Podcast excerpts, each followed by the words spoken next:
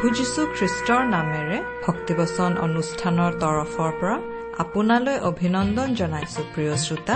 আজিৰে পবিত্ৰ ক্ষণতে উজলি উঠা খ্ৰীষ্টৰ জ্যোতি প্ৰিয় শ্ৰোতা আপুনি ভালে কুশলে আছেনে? জীৱনৰ বিভিন্ন সমস্যাসমূহক জয় কৰি এক সুশৃংখল জীৱন যাপন কৰিবলৈ আমাৰ সকলোকে প্ৰয়োজন এজন প্ৰকৃত বন্ধু আৰু সাৰথীৰ এই সাৰথীজন হৈছে প্ৰভু যীশুখ্ৰীষ্ট। তেওঁ মানুহক মুক্তি আৰু প্ৰচুৰ জীৱন দিবলৈ কোচত বলি হবলৈকো কুণ্ঠাবোধ নকৰিলে। সেয়েহে তেওঁহে আপোনাৰ মোৰ জীৱনক সঠিক পথেৰে আগবাঢ়ি যাওঁতে সহায় কৰিব পাৰে। তেওঁত আশ্ৰয় লৈ আমাৰ জীৱনে প্ৰকৃততে সঠিক জীৱনৰ বাট বিচাৰি পায়।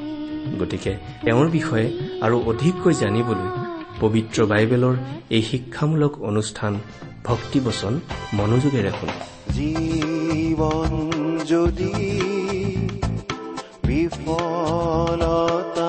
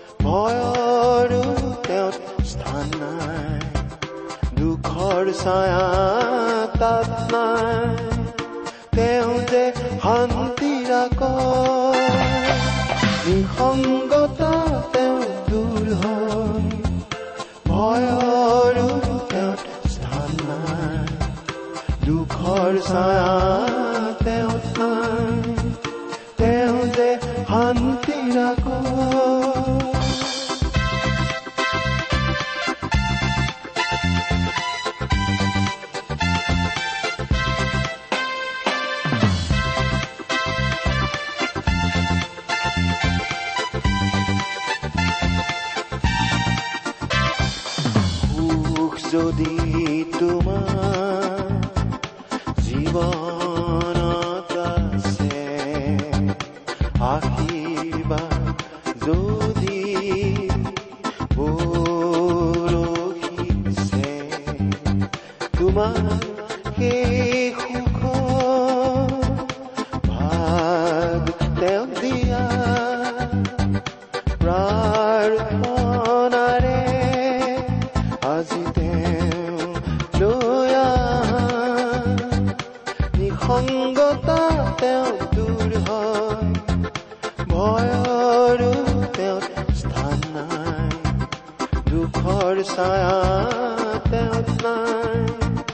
তেওঁ যে শান্তি ৰাখ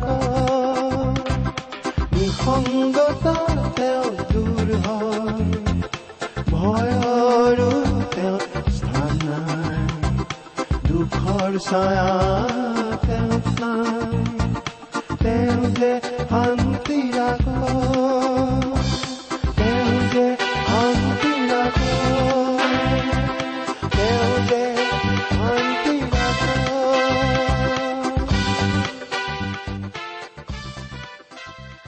আমাৰ পৰম পবিত্ৰ প্ৰভু যীশুখ্ৰীষ্টৰ নামত নমস্কাৰ প্ৰিয় শ্ৰোতা।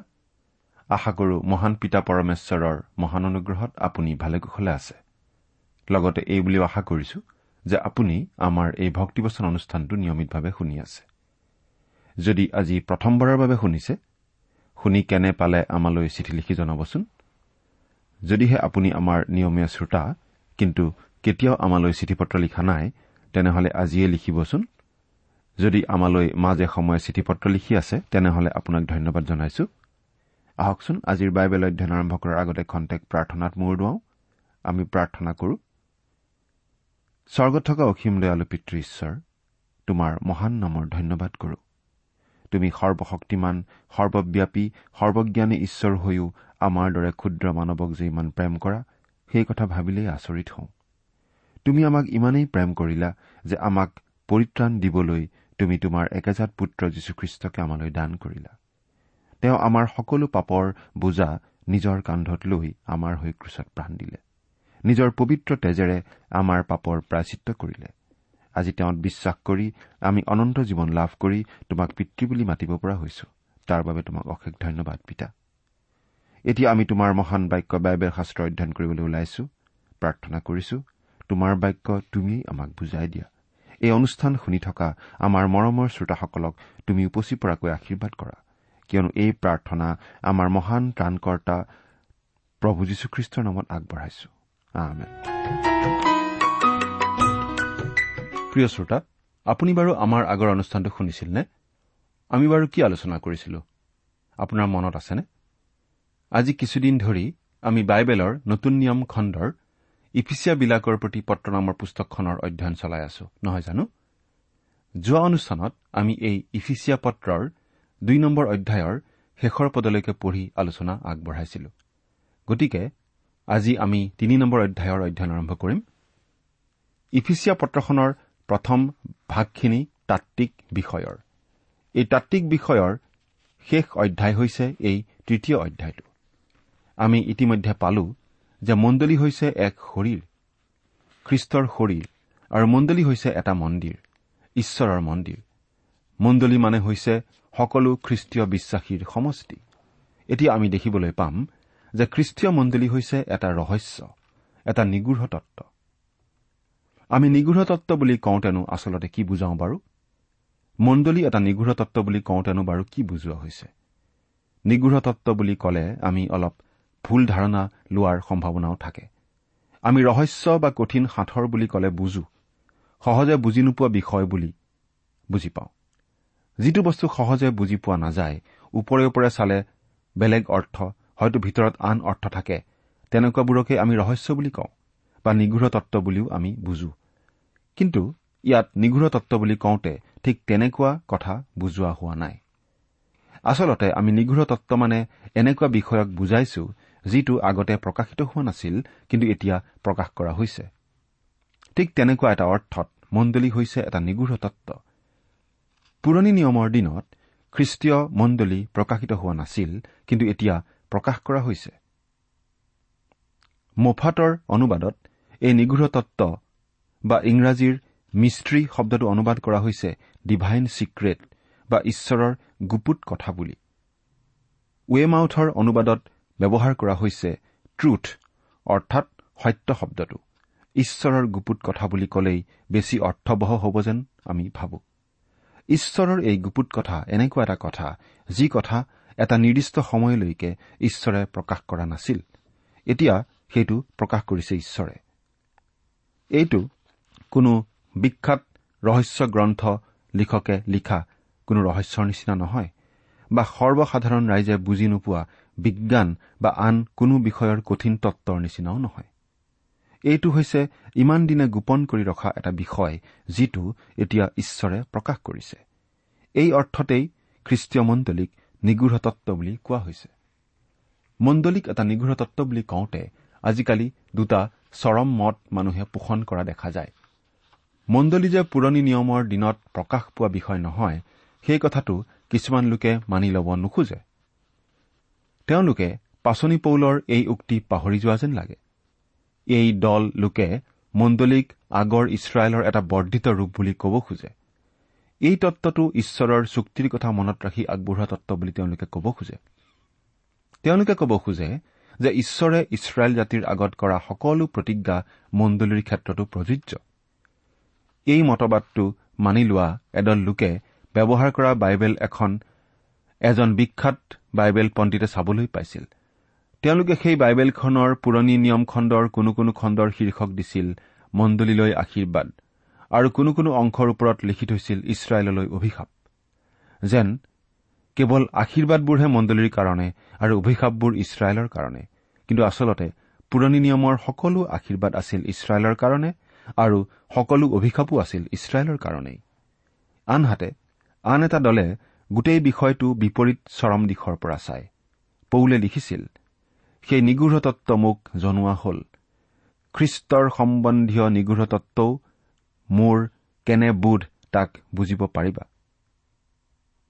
এই কথাখিনিৰ ওপৰত এই দলৰ মানুহবোৰে মাত্ৰাধিক গুৰুত্ব আৰোপ কৰে আৰু ঈশ্বৰে পাচনি পৌলকহে কথাবোৰ বিশেষভাৱে জনোৱা বুলি ক'ব খোজে।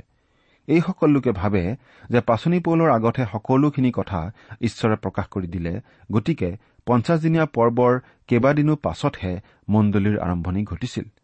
এই ধাৰণাৰ আধাৰত মণ্ডলী স্থাপন হোৱাৰ কিছুমান তাৰিখ এনেকুৱা লোকসকলে আগবঢ়ায় আৰু কথাবোৰ খাপ নাখালে আন তাৰিখ আগবঢ়ায়।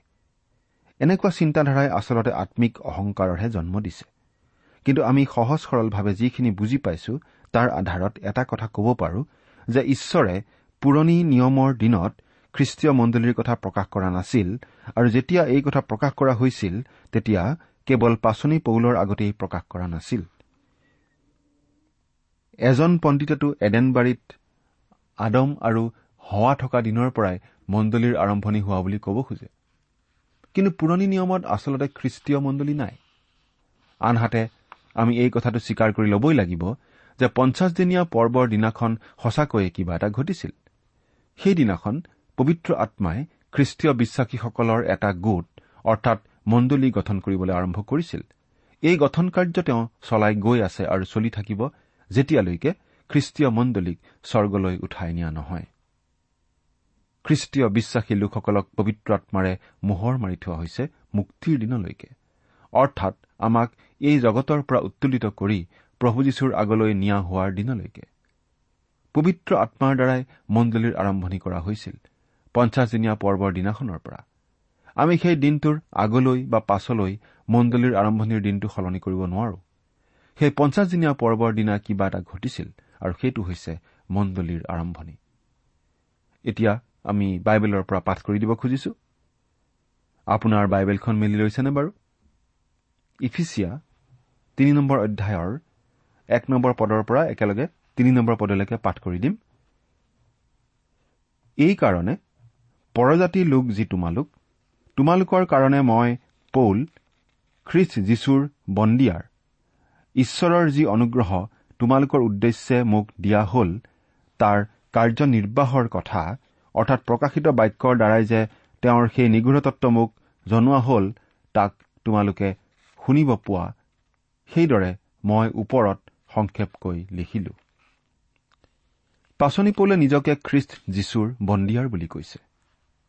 আমি ইতিমধ্যেই বাৰে বাৰে আলোচনা কৰি আহিছো যে পাচনি পৌল বন্দী অৱস্থাত থাকিবলগীয়া হৈছিল আৰু বন্দী অৱস্থাৰ পৰাই তেওঁ ভালেকেইখন পত্ৰ লিখিছিল। বিভিন্ন ঠাইত থকা খ্ৰীষ্টীয় মণ্ডলীবোৰলৈ তেওঁ সেই পত্ৰবোৰ লিখিছিল। তেওঁ বন্দী হ'ব লগা হৈছিল কাৰণ তেওঁ প্ৰভু যীশুখ্ৰীষ্টৰ শুভবাৰ্তা পৰজাতীয় লোকসকলৰ আগত বিলাইছিল। পৰজাতীয় লোক অৰ্থাৎ অনাজীহুদী লোকসকলক এতিয়া নতুন অৱস্থা নতুন অধিকাৰ প্ৰদান কৰা হ'ল প্ৰভু যীশুখ্ৰীষ্টত। সেই কথা আমি আগৰ অধ্যায়টোত পাই আহিছো। তেওঁলোক এসময়ত আছিল নিলগত থকা লোক খ্ৰীষ্টহীন আশাহীন আৰু ঈশ্বৰৰ পৰা আঁতৰত থকা প্ৰবাসী লোক। কিন্তু এতিয়া খ্ৰীষ্টত তেওঁলোকৰ সকলো সলনি হ'ল। তেওঁলোকক ওচৰ কৰা হ'ল। তেওঁলোকক ভিতৰলৈ অনা হ'ল।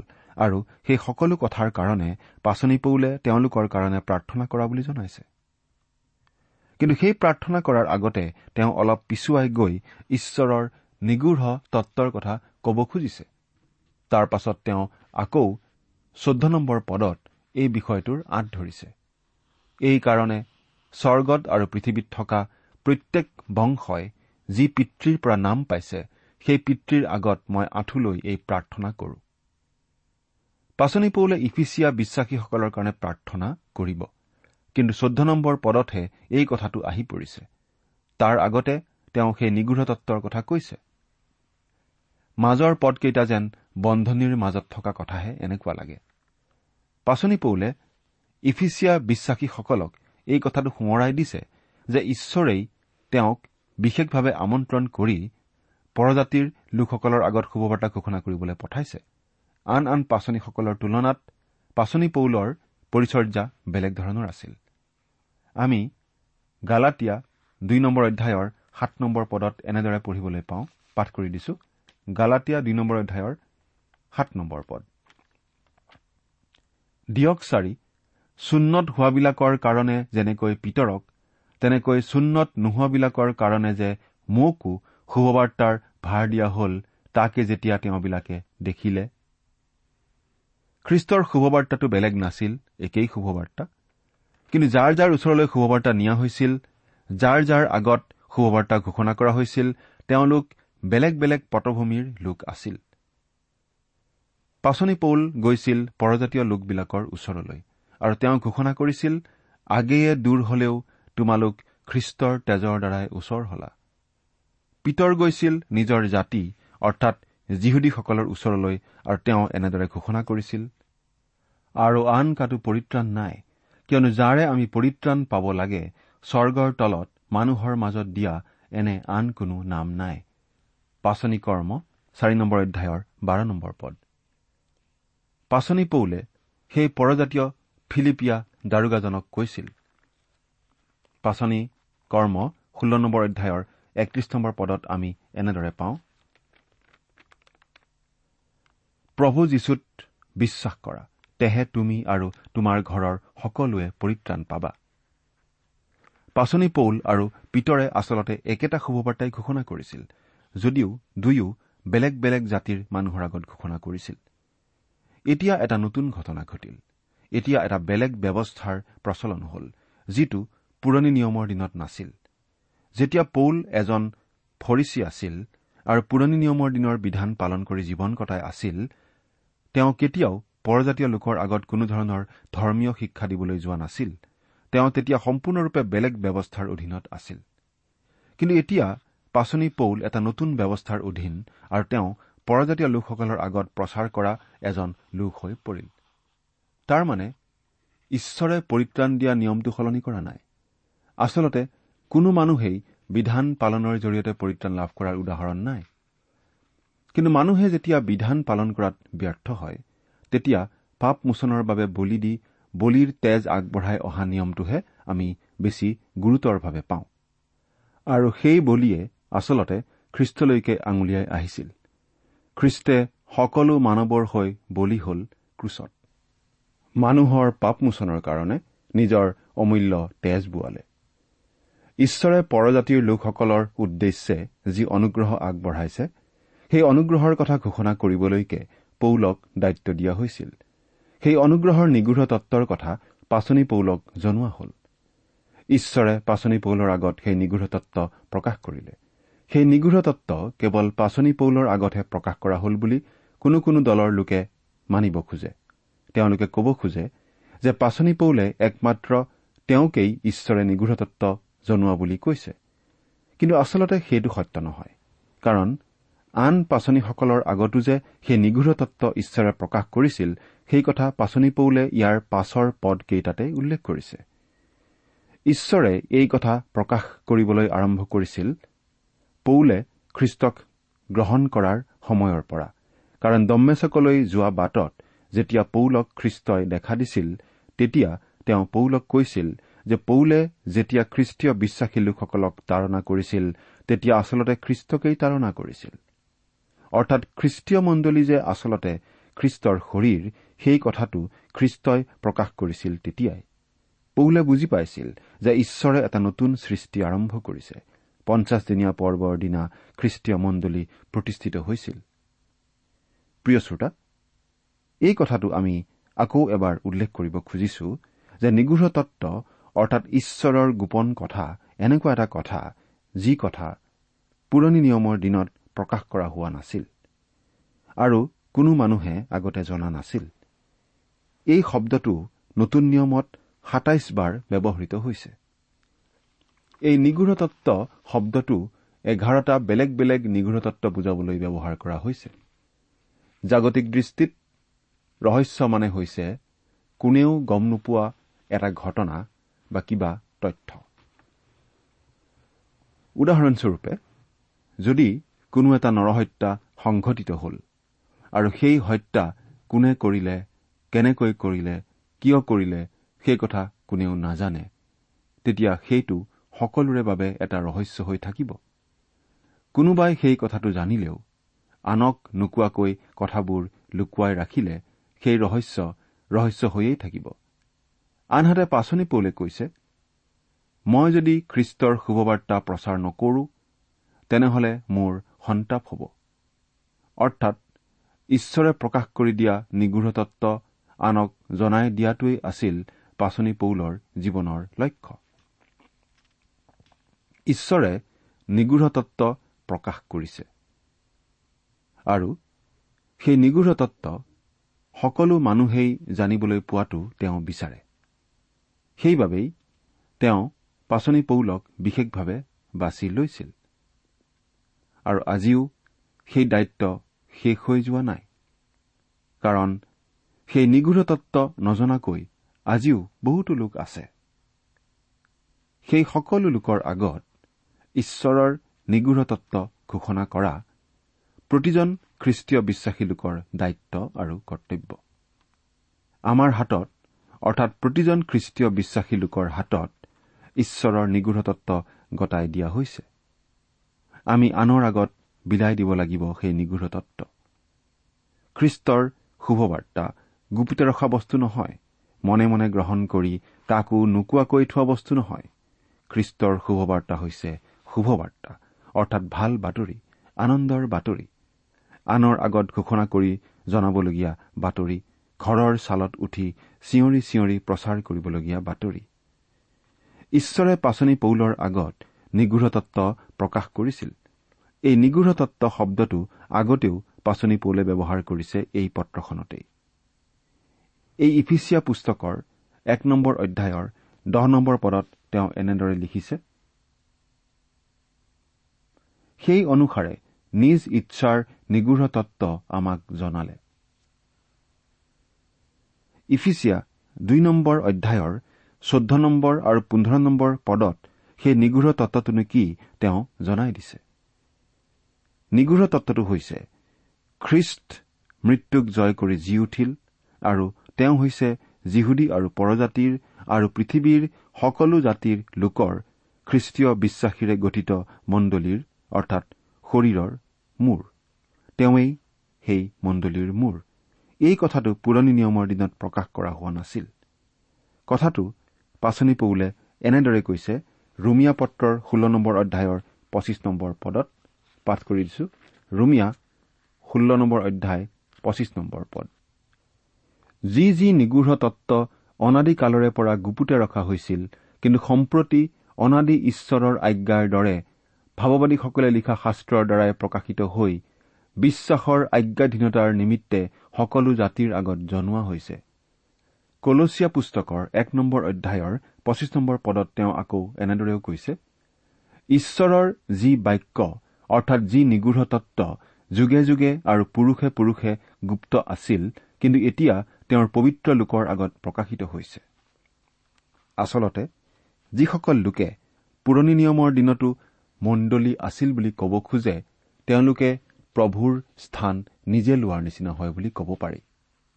কাৰণ প্ৰভুৱে যিটো কথা প্ৰকাশ কৰা নাই যিটো কথা কোৱা নাই সেই কথা তেওঁলোকে কোৱাৰ নিচিনা হয় যেন ঈশ্বৰে নজনা কথাও তেওঁলোকেহে জানে। নিগূঢ় তত্বৰ অৰ্থ হৈছে যিটো কথা অতীতত প্ৰকাশ কৰা হোৱা নাছিল সেইটো এতিয়া ঈশ্বৰে প্ৰকাশ কৰিছে। যিহেতু ঈশ্বৰে পুৰণি নিয়মৰ দিনত মণ্ডলীৰ কথা প্ৰকাশ কৰা নাছিল তাৰ মানে পুৰণি নিয়মৰ দিনত মণ্ডলী নাছিল। পাচনি পৌলে লিখিছে যে তেওঁৰ আগত ঈশ্বৰে যি নিগূঢ় তত্ব প্ৰকাশ কৰিছে সেই নিগূঢ় তত্ব যেন ইফিচিয়া মণ্ডলীৰ লোকসকলেও জানিবলৈ পায় সেই উদ্দেশ্যেৰেই তেওঁ এই সকলোবোৰ কথা তেওঁলোকলৈ লিখিছে। এতিয়া আমি চাৰি নম্বৰ পদটো পাঠ কৰি দিব খুজিছো। তোমালোকে তাক পঢ়িলে খ্ৰীষ্টৰ সম্বন্ধীয় নিগূঢ় তত্বত মোৰ কেনে বোধ তাক বুজিব পাৰিবা? সেই সকলো কথা পঢ়াৰ পাছত ইফিচিয়া মণ্ডলীৰ লোকসকলেও পৌলৰ বিষয়ে এটা সম্যক ধাৰণা কৰিব পাৰিব। পৌলে যে ঈশ্বৰৰ নিগূঢ় তত্বৰ কথাবোৰ জানে সেই কথা তেওঁলোকে বুজিব পাৰিব। প্ৰিয় শ্ৰোতা ঈশ্বৰে আমাৰ এই যুগৰ কাৰণে প্ৰয়োজনীয় নিগূঢ় তত্ব প্ৰকাশ কৰি দিছে। সেই নিগূঢ় তত্ব অতি সহজ সৰলভাৱে আমাৰ আগত দাঙি ধৰা হৈছে। এই নিগূঢ় তত্ব ঈশ্বৰে প্ৰকাশ এইকাৰণেই কৰিছে যাতে সকলো মানুহেই সেই কথা বুজি পাই যীশুখ্ৰীষ্টক প্ৰভু আৰু ত্ৰাণকৰ্তা বুলি গ্ৰহণ কৰি পৰিত্ৰাণ লাভ কৰিব পাৰে। এই নিগূঢ় তত্ব লুকুৱাই ৰখা কথা নহয় কিন্তু সকলোৰে আগত ঘোষণা কৰিবলগীয়া কথাহে। সেইবাবেই আজি আমিও সেই নিগূঢ় তত্বৰ কথা জানিব পাৰিছো বুজিবৰ সুবিধা পাইছো। কিন্তু নিগূঢ় তত্ব বুজি পালেও আমাৰ একো লাভ নাই যদিহে আমি সকলো কথা বুজি পায়ো খ্ৰীষ্টক আমাৰ জীৱনৰ প্ৰভু আৰু ত্ৰাণকৰ্তা বুলি গ্ৰহণ নকৰো। প্ৰভু যীশুক গ্ৰহণ কৰাৰ সুবিধা সকলো ঠাইৰ সকলো জাতিৰ লোকলৈকে আগবঢ়োৱা হৈছে। খ্ৰীষ্টত সকলো এক কোনো ভেদভাৱ নাই। ঈশ্বৰে সকলো লোকলৈকে সমান সুবিধা আগবঢ়াইছে। সেই সুবিধা গ্ৰহণ কৰি আপুনি বাৰু প্ৰভু যীশুৰ শৰীৰৰ অংগ হৈছেনে? এবাৰ চিন্তা কৰি চাওকচোন। ঈশ্বৰে আপোনাক আশীৰ্বাদ কৰক। প্ৰিয় শ্ৰোতা ইমান পৰে আপুনি বাইবেল শাস্ত্ৰৰ পৰা ঈশ্বৰৰ বাক্য শুনিলে। এই বিষয়ে আপোনাৰ মতামত জানিবলৈ পালে আমি নথৈ আনন্দিত হ'ম। আমি প্ৰস্তুত কৰা বাইবেল অধ্যয়নৰ চিডিসমূহ পাব বিচাৰিলে আৰু অনুষ্ঠানত প্ৰচাৰ কৰা কোনো কথা বুজিব লগা থাকিলেও আমালৈ লিখক। আমাৰ যোগাযোগৰ ঠিকনা ভক্তিবচন ট্ৰান্সপল ৰেডিঅ' ইণ্ডিয়া ডাক বাকচ নম্বৰ সাত শূন্য গুৱাহাটী সাত আঠ এক শূন্য শূন্য এক। ঠিকনাটো আকৌ এবাৰ কৈছো ভক্তিবচন ট্ৰান্সৱৰ্ল্ড ৰেডিঅ' ইণ্ডিয়া ডাক বাকচ নম্বৰ সাত শূন্য গুৱাহাটী সাত আঠ এক শূন্য শূন্য এক। আমাৰ ইমেইল এড্ৰেছটো হৈছে Assamese T TV at the rate radio' eight eight two dot com আমাৰ website W W W dot T W R dot in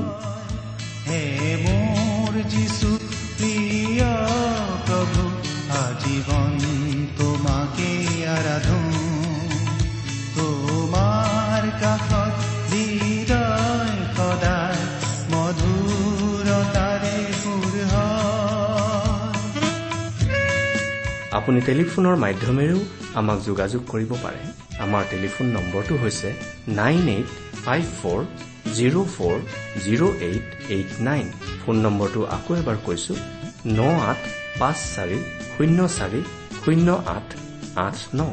আপুনি এই ভক্তিবচন অনুষ্ঠানটি আমাৰ website radio' eight eight two dot কমতো শুনিব পাৰিব। জীৱন পথত নিসংগতাই যেতিয়া হতাশানে জীৱন পথত নিসংগতাই যেতিয়া হতাশানে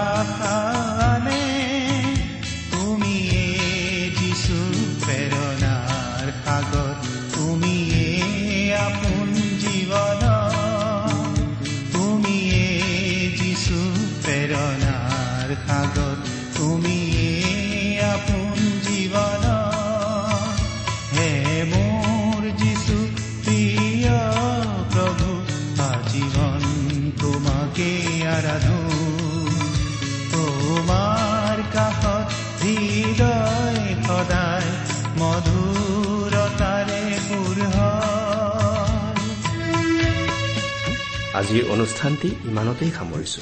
ঈশ্বৰৰ শান্তি আৰু অনুগ্ৰহ আপোনাৰ লগত থাকক। ধন্যবাদ।